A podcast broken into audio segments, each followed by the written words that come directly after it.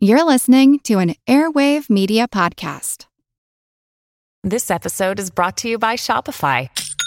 Forget the frustration of picking commerce platforms when you switch your business to Shopify, the global commerce platform that supercharges your selling wherever you sell. With Shopify, you'll harness the same intuitive features, trusted apps, and powerful analytics used by the world's leading brands. Sign up today for your $1 per month trial period at shopify.com slash tech, all lowercase. That's shopify.com slash tech.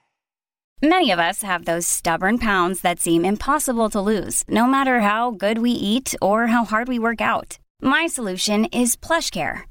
PlushCare is a leading telehealth provider with doctors who are there for you day and night to partner with you in your weight loss journey. They can prescribe FDA-approved weight loss medications like Wegovy and Zepbound for those who qualify. Plus, they accept most insurance plans. To get started, visit plushcare.com slash weight loss. That's plushcare.com slash weight loss. This is Kick-Ass News. I'm Ben Mathis.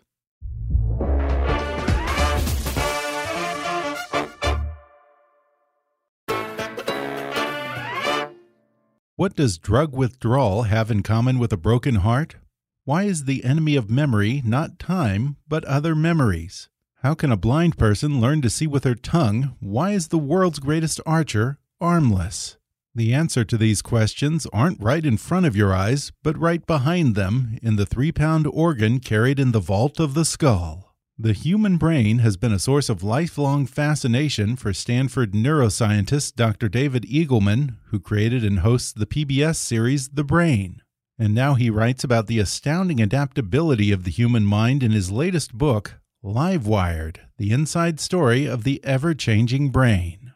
And today he joins me on the show to share how a child can still function with only half of his brain, how babies start modeling the world from the moment they're born and what happens if those babies are deprived of sensory experience for the first few months or years of their lives? David also explains why the 16 year old you and the 40 year old you are like entirely different people, why we lose brain plasticity as we age, but how some parts of the brain fare better than others. He reveals what neuroscience can contribute to criminal law, how his company, Neosensory, is able to help a deaf person hear with a simple wristband, and how Elon Musk's Neuralink technology may one day help overcome certain injuries, but probably won't make you a super intelligent brainiac. Plus, he talks about what it's like to be a science consultant for HBO's Westworld. Coming up with Dr. David Eagleman in just a moment.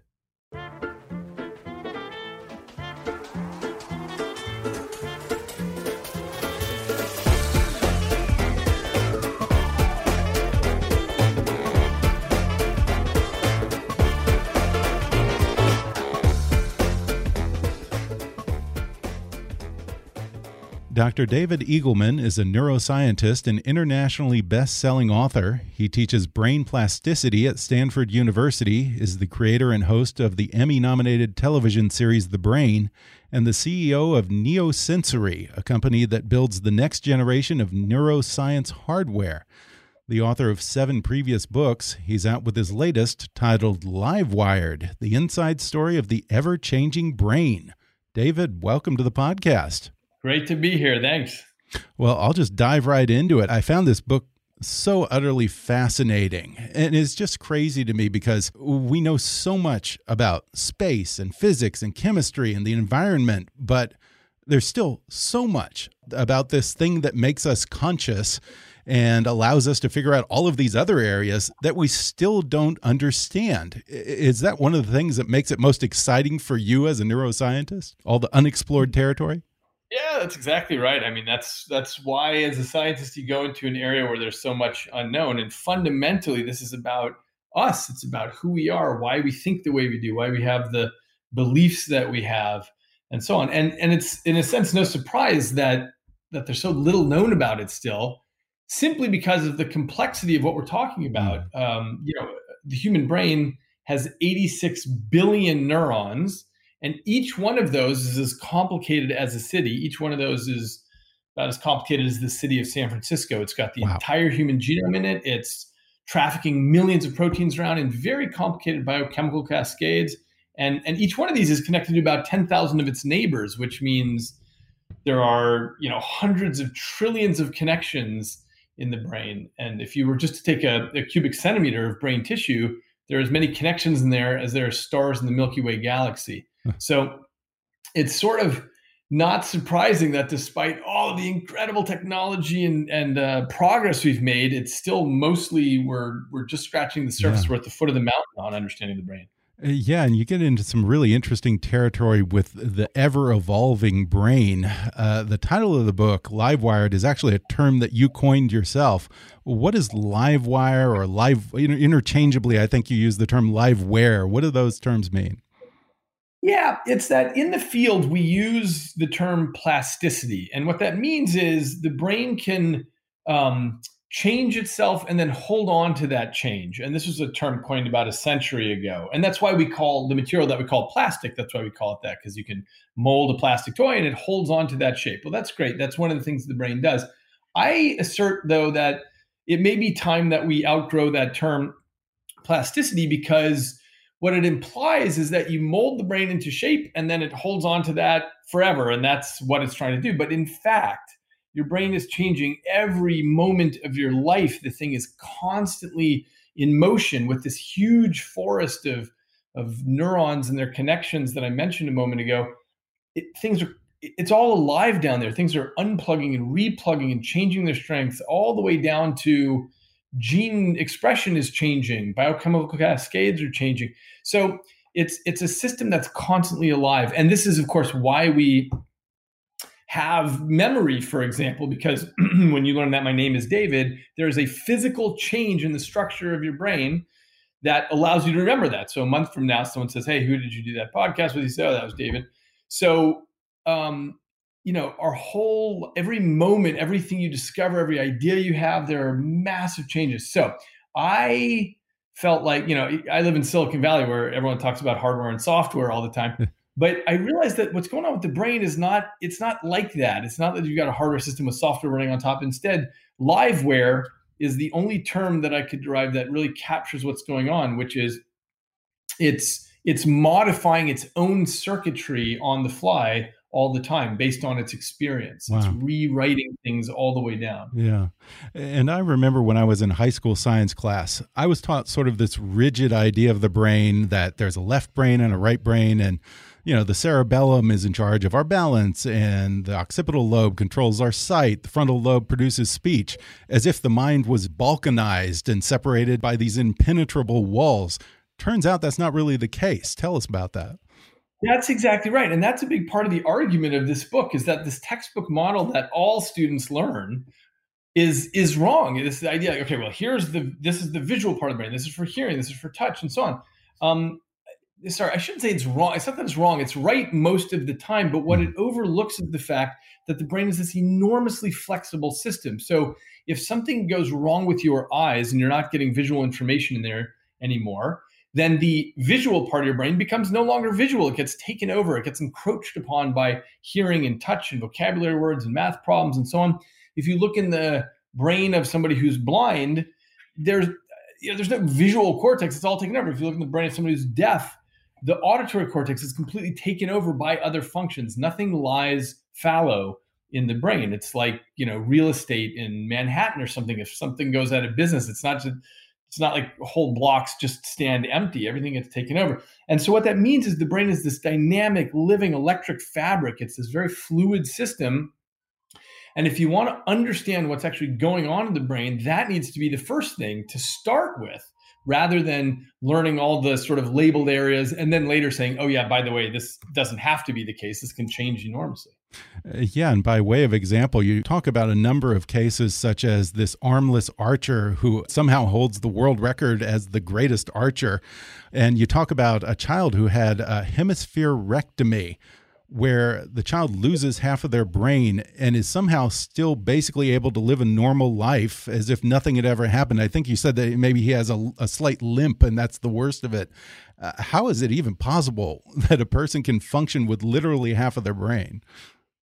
So this is, you know, this is a big part of why I wanted to write this book because we have no idea how to build machines like this. So, yes, a child can get half their brain removed and they're just fine. All the functions that would have been in their, let's say, right hemisphere get wired up in their left hemisphere. And and as you said, they have a slight limp on the other side of their body.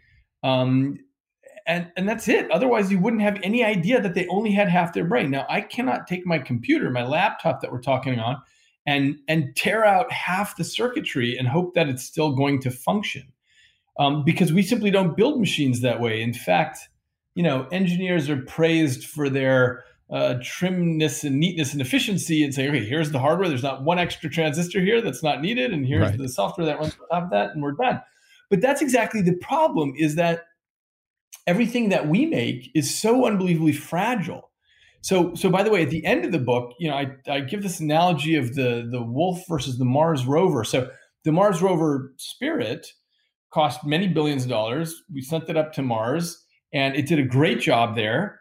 Um, but then it got its right front wheel stuck in the Martian soil, and it died there as a result. It couldn't get out, and so it beamed its last swan song to Earth and died. And um, when you look at the what happens when let's say a wolf gets its leg caught in a trap, it chews off its leg and then it figures out how to walk on three legs. Now, were wolf brains genetically predetermined to walk on three legs? No. Does it figure it out? Yes. It's, it's an adaptable system that figures out what to do. If we could build robots that could figure out, oh, geez, I'm stuck. I'm going to chew my wheel off and then figure out how to operate this machinery differently. We'd actually have much more robust machines and uh, save a lot of money and not have to have a a multi-billion dollar piece of space litter on Mars now. And recently, my wife and I just had a baby. So I've been thinking a lot about newborns' brains and how they work. And I know that other animals, as you discuss in the book, have a longer gestational period. So they sort of come out more fully formed. You know, for instance, I, I think zebras and horses are able to walk straight out of the womb but human babies enter the world with much more of a learning curve ahead of them. And I wonder if that's actually, in some ways, an evolutionary advantage that we're not so fixed. And we are born with that ability and really the imperative to take in new data and model the world around us. So your baby wasn't walking in 45 minutes? Uh, my baby's yeah. still not walking, and we're, we're at six months. So, but yes, Exactly. So this is this is the thing. Yeah. So it's about 45 minutes for zebras, horses, giraffes to get up on their little wobbly pencil legs and start moving around.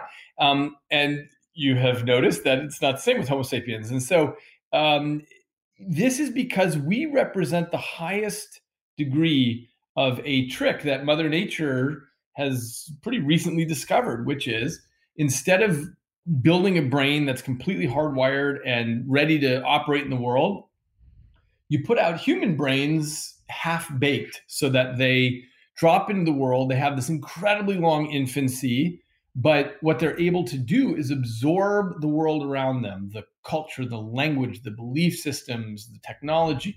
All of that gets absorbed. And that trick has worked wonders. Humans have taken over every corner of the planet. We've gotten off the planet. We've invented the internet. We've done a million things. And, and it's because we are the only species that is as plastic as we are.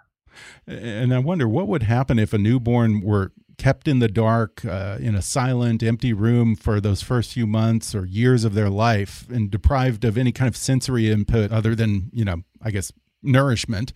Uh, would their brain remain only half baked? Uh, could they catch up or would that damage just be permanent? Yeah, unfortunately, we have these natural tragic experiments where mm-hmm. there are some children, happily, this is very rare, but there's some children who are so severely neglected because uh, their parents have some kind of deep problems going on. And so the child is locked in a room. They're not given any attention, any speech, any love, any touch, things like this.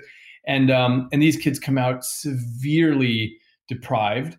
Um, and it's because um, uh, what I mean is that they come out with severe cognitive deficits. Mm-hmm. Um, and, and, it's precisely because the gamble that Mother Nature takes is okay, I'm going to put this in the world half baked, but I'm going to assume that the child is getting all the proper inputs, and then their brain's going to wire up and be terrific. But if not, then it's a, it's a real problem. And by the way, this happened also with Romanian orphanages after the fall of Ceausescu, right. because there ended up being tens of thousands of kids whose parents had been killed so they ended up in these orphanages, and the staff was overwhelmed. So the staff decided, all right, look, the only way this is going to work is if we don't talk to the kids and we don't touch them, because if we do, they'll get clingy.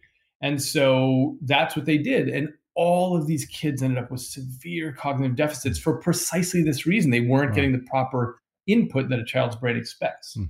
And yet, if you take a fully formed adult and put them in solitary confinement for a year or blindfold them and deprive them of their senses, somehow they still manage to adapt. Why is that? Yeah, well, this uh, for two reasons. Two things I should say about this. One is. Mm -hmm. As you age, the plasticity of the brain diminishes. So you become less flexible. Really, the job of the brain is to make a good model of the world. And as you live life, you make a better and better model of the world. And as a result, things get more and more cemented into place. And it becomes harder to change that model. Um, now, that said, it is very terrible and damaging in all kinds of ways for adults to be in solitary confinement, but it's not for the same reason. They've already developed the skills and the language and the other things that they need. It's just psychologically damaging for for other reasons because yeah. we're such intensely social creatures, which is what we're all experiencing during COVID lockdown, by the way, is the same issue that you know we're, you know, I, I have I have two kids myself, and um, and yeah, they're they seem to be doing fine with lockdown in the sense that kids don't know that the world is supposed to run differently. So they're just doing their thing. But it worries me that they're not getting the kind of social input that kids their age are supposed to be having. Yeah, certainly. Uh, but in a way, do you think it's a good thing that the pandemic has sort of knocked us off of our hamster wheels and we can't operate on autopilot anymore? We're having to figure new things out. And, you know, sometimes just out of boredom, you know, people are taking on new hobbies and learning new things, learning a language, that kind of thing, keeping the brain a little sharper than it would have been otherwise. Yeah, that's exactly right. I mean, the fact is that as we make this internal model of the world, um, what we do as we age is we get more and more efficient at operating on this. We say, okay, I, I got this. I've got all this burned down into the circuitry of my brain. I know exactly how to operate. Um, and as a result, we're not challenging ourselves as much and we're not mm-hmm. having as much brain plasticity. And what happens with lockdown, what has happened is suddenly the whole world is forced into a new era of rethinking everything. So we're all off of our path of least resistance. And, you know, that comes with plenty of stress and anxiety, of course, but I think it's a really great, useful thing. I actually have a suspicion, although this will be hard to prove for a long time, but I have a suspicion that there will be less dementia when our generation becomes quite old, just because we had this chance in the middle of our adult lives to really rethink everything and think, oh my gosh, this is not this is not the world as I thought I understood it. I have to figure this out again. Now, do you do that trick uh, where you use your left hand to do a lot of everyday tasks, and and does that actually work? Does that rewire the brain? Yeah, in a very minor way, but sure. Mm -hmm. I, I try to always do things in a novel manner. So, brush my teeth with my left hand, shave with my left hand, uh, use my mouse with my left hand um, things like that. But but uh, also things like driving a different route home from work every day. Mm-hmm. I always try to do that. At least back when we used to drive to work, and um, you know, otherwise because you of course you've noticed that if you drive the same route home from work every day, the perceived amount of time it takes shrinks and shrinks until you know it starts feeling like oh I left work and then I was home uh, and it's because what we've done is we've automatized the behavior so much that we're not noticing anything and we're just unconscious zombies when we're driving. Mm-hmm. And so um, I always try, you know, and this is not, of course, a way to live longer. It's just a way to make it seem as though you are living longer. is um, is to constantly seek novelty and constantly challenge yourself. This is the, I would say, this is the most clear, important lesson that has emerged from neuroscience as far as what to do for ourselves as we age is to make certain that we are constantly challenging our brains, doing things that are frustrating but achievable. Um, and uh, you know, a big problem, as we all know, with you know parents or grandparents or seeing other people retiring, is um, people often retire and their lives shrink, and they're not pushing themselves to make new roadways in the brain. But this is the best thing that you can do for your brain. Do you find that you do that often? You, you, sort of become the subject of your own research. You maybe analyze your thoughts and try to catch yourself or figure out why you perceive something a certain way. Uh, does that follow you home a lot? Oh, sure. Mm -hmm. um, and you know, my wife's a neuroscientist too, so we're we're constantly doing this. The funny part, though, I have to say, the funny part is, although this is what I study day in and day out every day, and I write books all night on this stuff and so on, our psychology puts up, you know, pretty strong fence lines around things. So one doesn't, uh, how do I put this? No amount of knowledge affects your day to day behavior. Just as an example, like I'm well aware that colors don't exist. All you have is electromagnetic radiation in the world of different frequencies, and our brains cook that up and make this way of summarizing information by perceiving color. Does that change anything about me looking around the room and saying, well, that's clearly blue and that's red and so on? No amount of academic knowledge on that changes my perception of, of the thing. And this is this is true more generally when I um, feel, you know, angry or sad or happy or whatever. Even though I know that these processes are happening, I still I still feel as though that's what I'm experiencing. We're going to take a quick break and then we'll return with more when we come back in just a moment.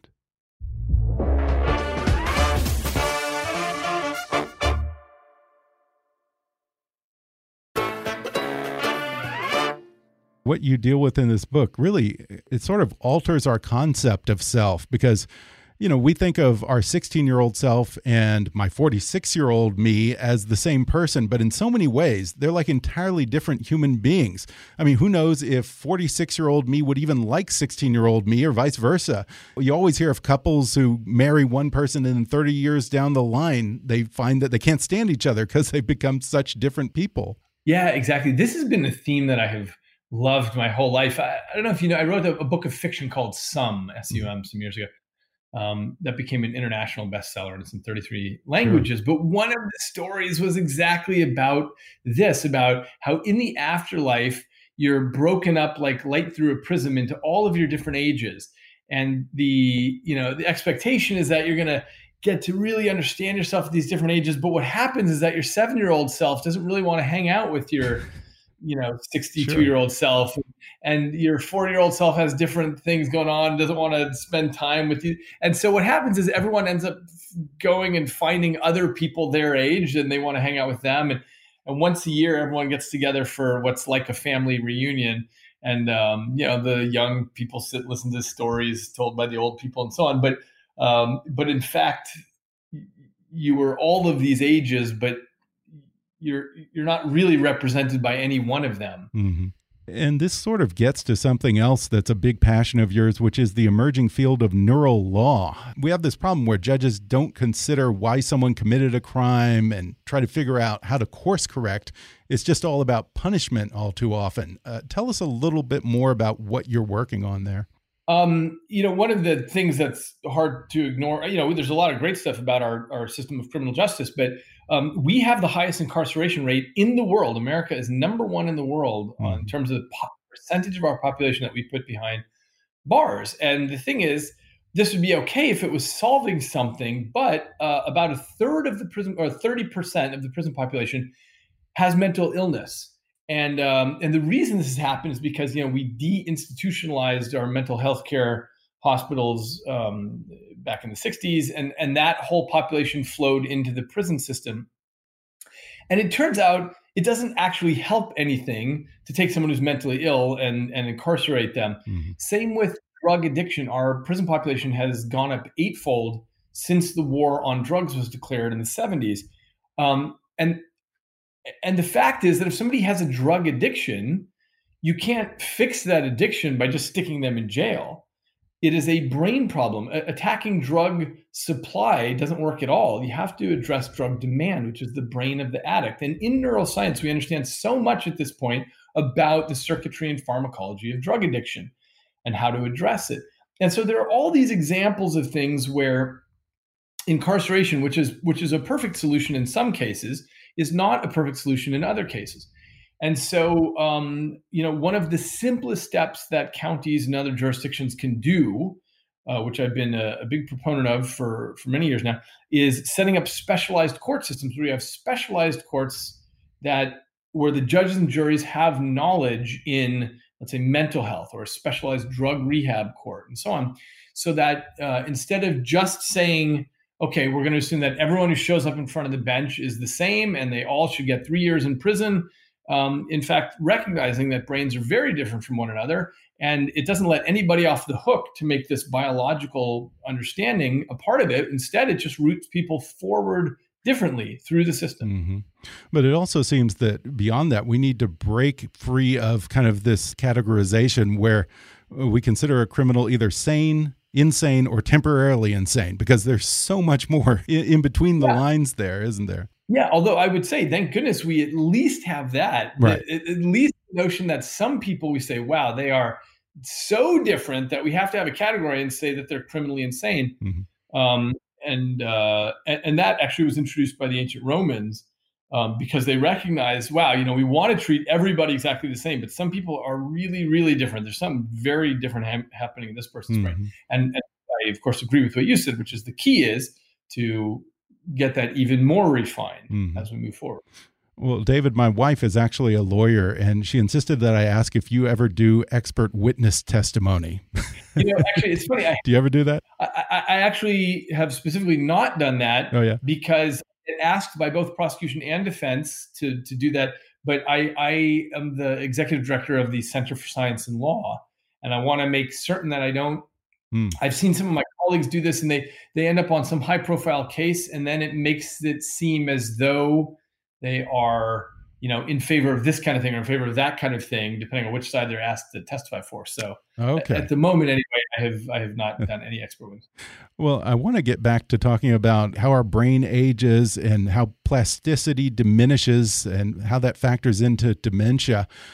I've heard other neuroscientists refute this idea that dementia is just this gradual degradation of the brain but more a case that by the time that we're 80 or 90, our brain has just taken in so much more information than, say, a person in their 20s that it's sort of a form of data overload. What do you think about that hypothesis?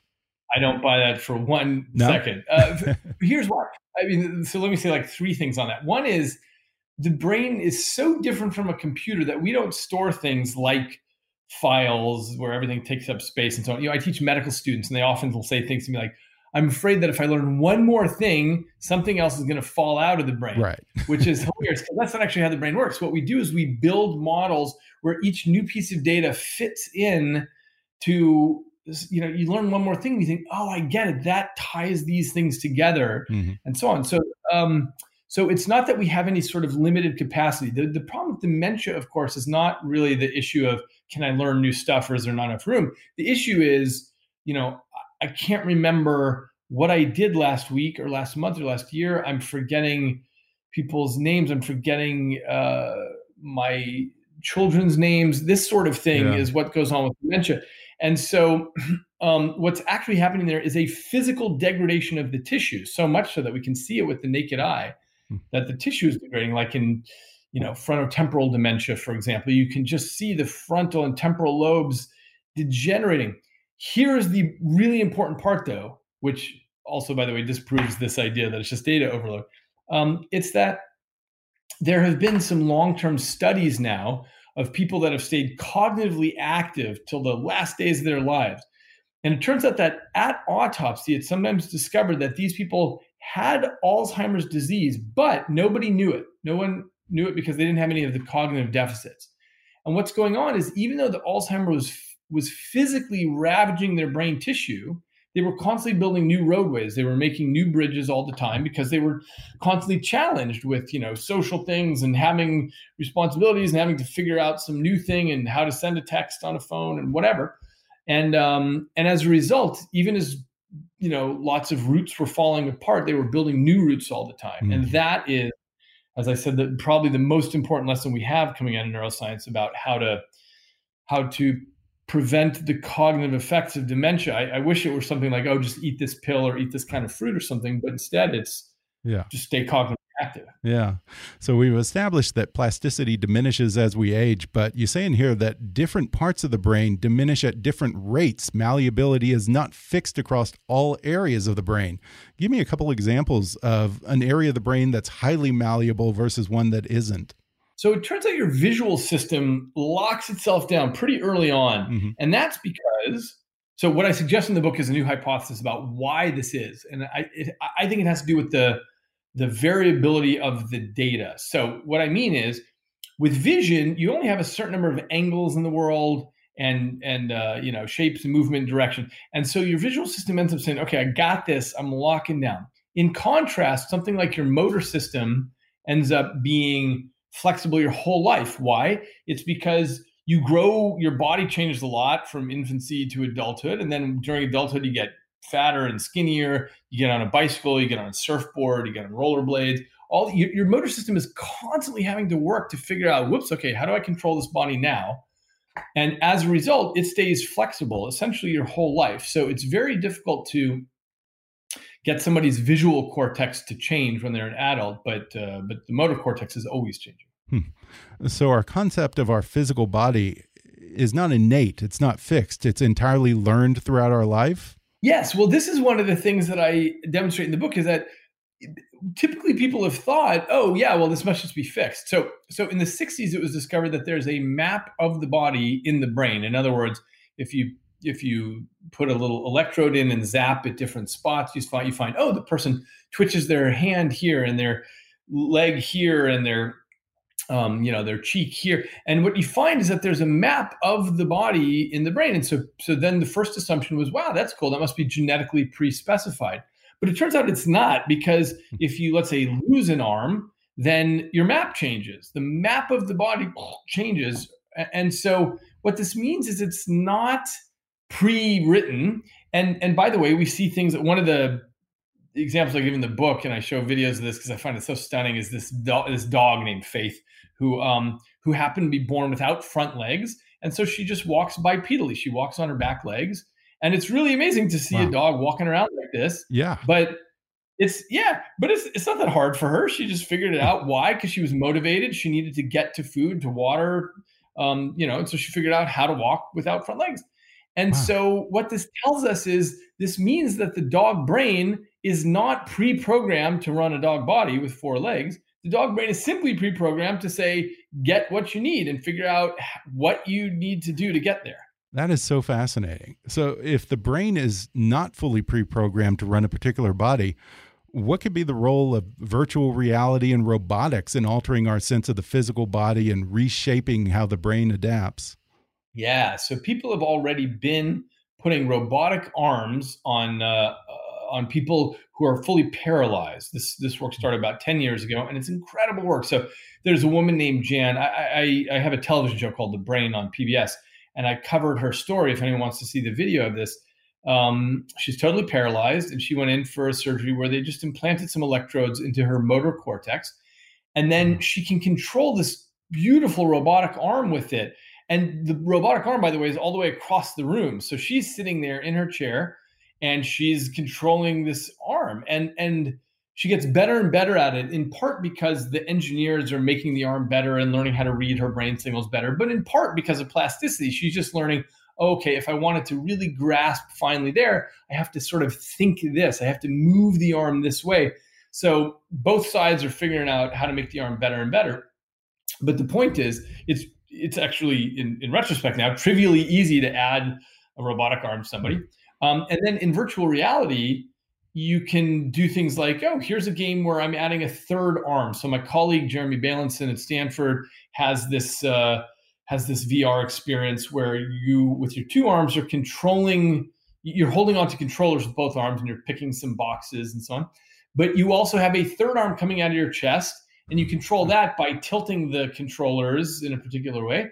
And uh, it does not take long at all. It takes about three minutes for people to get pretty good at controlling this third arm, uh, which just again demonstrates how flexible the system is. It says, "Oh, I see.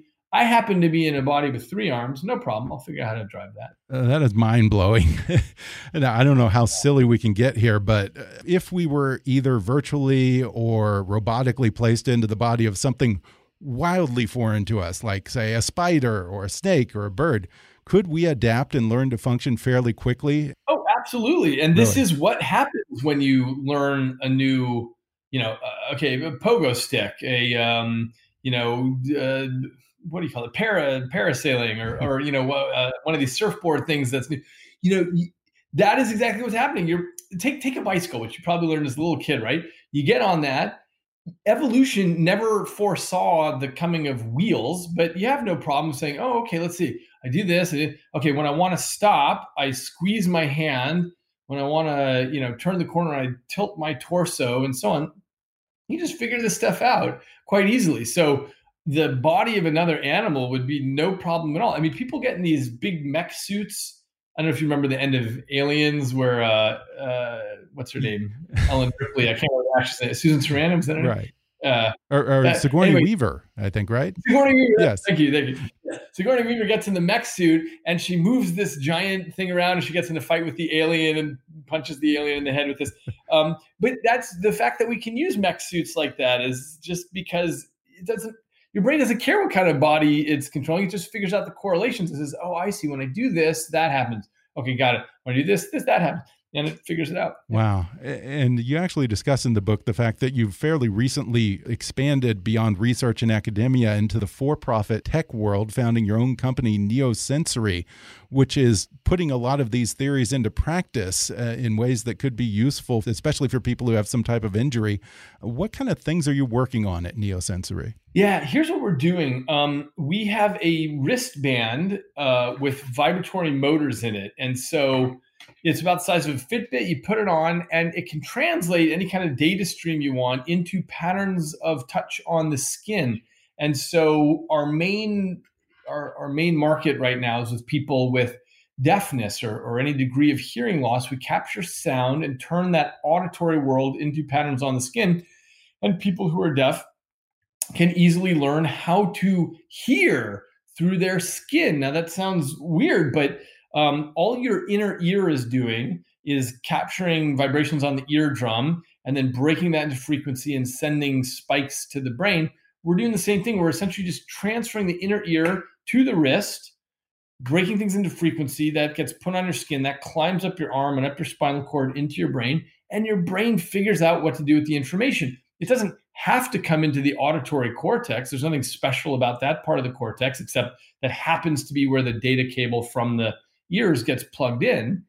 Um, and so it can go into a different part of the brain, and the brain is really good at figuring out correlations and patterns. So you, you, you know, a deaf person looks at the dog's mouth moving and feels the patterns on the skin, and eventually puts those together.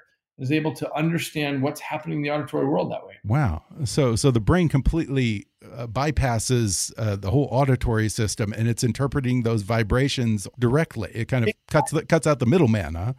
It, well, exactly. It is because the brain is the, the the cortex, which is the wrinkly bit on the outside of the brain. Yeah. That that's a one trick pony. The cortex everywhere has the same circuitry, and it gets defined by what data cable you plug into it. So, oh, here's visual information. Great, I'll become visual cortex. Here's auditory information. Great, I'll become auditory cortex. But this is actually the thing that you know that we started talking about at the beginning. I, I um, that I think is the right way to look at this technology is understand, oh, okay, it will get defined by whatever you plug into it rather mm-hmm. than, oh, this is fundamentally the visual cortex. And by the way, this is not just speculation on my part.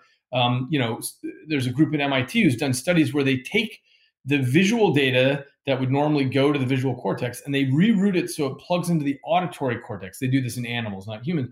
Um, and then the what we would have previously called the auditory cortex now acts like visual cortex because it's not fundamentally auditory cortex. It just happens to be the information that it was getting. Now it's getting mm. visual information.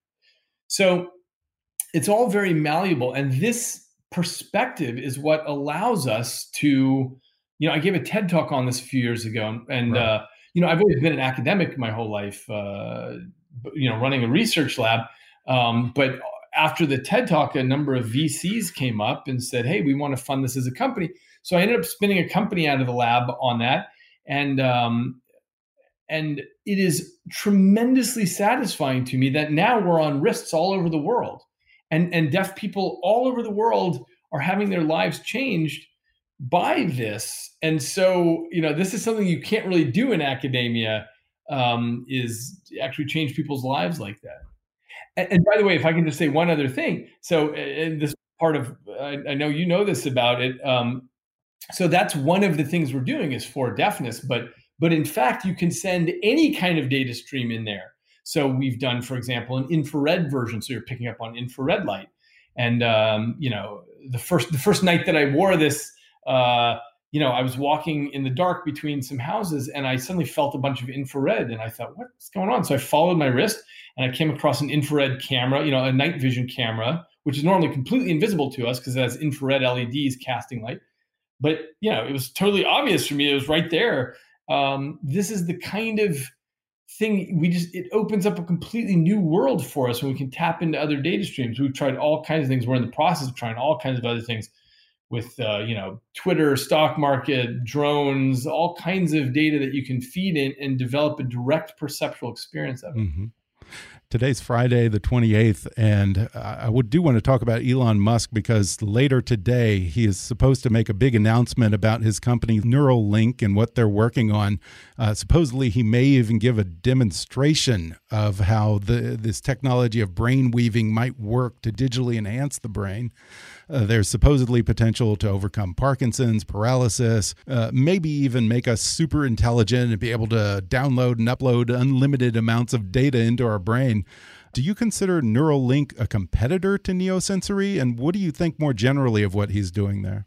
Yeah, uh, it's not a competitor because what we're doing is we're feeding information to the brain in a non-invasive way for a few hundred bucks. Okay. You have this wristband, you can feed anything you want.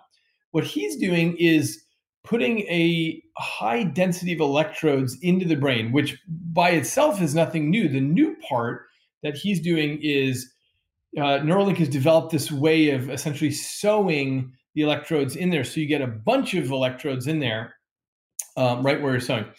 I I'm super interested to hear his announcement later, and, and, maybe this is goofy for me to make any statements before I hear what the announcement is, but I, um, what they're doing is going to be super useful for various disease states as you as mm-hmm. you mentioned clinical things. But the idea of oh we'll be able to download information to our brains i think is not likely to happen um, certainly not for the foreseeable decades.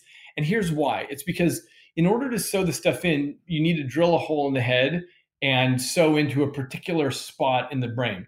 But in fact everything interesting that your brain is doing needs the whole brain involved, not just one tiny spot on the surface of the brain. And so, um, on, beyond that, neurosurgeons are not going to do these surgeries because there's always some risk of infection and death on the operating table. Sure. And consumers, like let's say I want to text with my phone a little bit faster, I'm not going to go in for an open head surgery in order to be able to do that. And so these I'm super interested to see what he announces this afternoon, but that's yeah. my pregame on it. Yeah, there is a risk versus reward component to it. And you know what doctors always say? They say once you crack the skull open, the brain is never the same. So I also want to talk about AI before we go. Um, how live wired is artificial intelligence right now? And is that the key or the breakthrough that needs to happen for a computer to be able to mimic the brain's plasticity before machines can really achieve general intelligence or true AI? You know, it's interesting because current AI has taken off from uh, a very basic understanding of the brain. And by very basic, what I mean is AI says, okay, look, imagine you have these units and these units are connected to each other. And then AI went off in its own direction. And, and it can do some really, really impressive things right now with superhuman performance on particular things. But it is nowhere near as smart as, you know, a three year old kid who can walk around and do all kinds of things and socially manipulate adults and navigate a room and get food to her mouth and do a hundred other things. And so, um, despite all of the hype about what's going on in the AI world, the way we currently build it is still quite stupid. Mm-hmm. Um, in the sense of being very limited, in the sense that I, I can make a, um, artificial neural network that can discriminate pictures of cats and dogs, you know, better than humans can. But if I then say, okay, now can you tell the difference between you know camels and penguins it'll fail catastrophically because it's trained up on this one thing it's no good at going to a different thing. So um, there are lots of things to be done still in the ai world. Mm-hmm. i think um, you know ai in a sense one of the things it did take from neuroscience is this notion of plasticity. So it's constantly changing its connection strengths. That's what it's good right. at. But, um, but it's not doing anything more sophisticated than than just that and and the last thing I'll say on this is in in current AI, all that's worried about is, hey, these are the units and these are the connections between the units. I'm going to strengthen the connection or weaken the connection. But hmm. in fact, in the brain, it's much more than just the synaptic strength, the, the, the strength of the connection between neurons.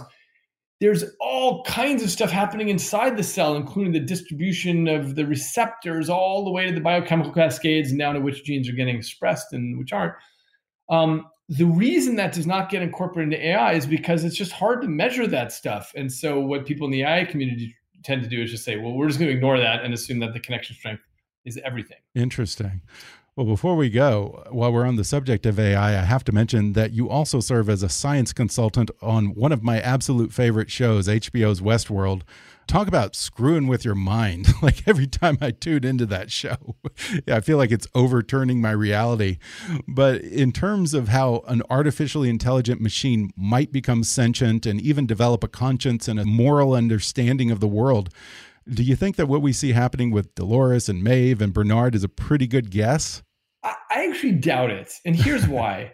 I don't think we're going to build AI to be like a human. There's really no purpose of it unless you really believed that there was a business model in having a, an amusement park where you could go and kill, uh, you know, robots. Right. Um, so, so the, the thing is, if you look at the kind of machines that we build, we build, you know, washing machines, or we build uh, machines to tell us, uh, you know, map information on our phones or whatever. Like we build things to do very specific tasks and to be good at those tasks way better than a human could. Google Maps is so much infinitely better than I am at remembering where all the streets are and what the traffic is and so on. But that's all I wanted for. I don't want Google Maps to be like a human. Um, and so it just seems really unlikely to me that there'd ever be a business model where you'd put in the millions of man hours to build something that seems mm-hmm. just like a human. So I don't think yeah. that's the direction we're going. Um, right now, as a neuroscientist, it is almost impossible for me to imagine that we're going to get to a point that we even could do that in our lifetimes. Um, eh, by the way, for several reasons. One is that you know when, when, even if AI gets better and better, which it certainly will, um, it's all going to be software based. There's really no point in building a robot because you always mm-hmm. have to tend to the toilet of the robot. You know this circuit breaks that the you know this rusts out. It's really hard to build robots and and the whole world has gone the way of software exactly as a result of that. Yeah. So. Once again your book is called live wired the inside story of the ever changing brain david eagleman. Wow thanks for talking with me thanks for having me Thanks again to David Eagleman for coming on the show. Order his new book, Live Wired The Inside Story of the Ever Changing Brain, on Amazon, Audible, or wherever books are sold. Follow David at eagleman.com or on Twitter at, at David Eagleman. If you enjoyed today's podcast, be sure to subscribe to us on Apple Podcasts and rate and review us while you're there. Five star ratings and detailed reviews are one of the best ways for new listeners to discover the show. You can also follow us on Facebook or on Twitter at, at KickassNewsPod and recommend us to your friends on your social media. For more fun stuff, visit kickassnews.com, and I welcome your comments, questions, and suggestions at comments at kickassnews.com.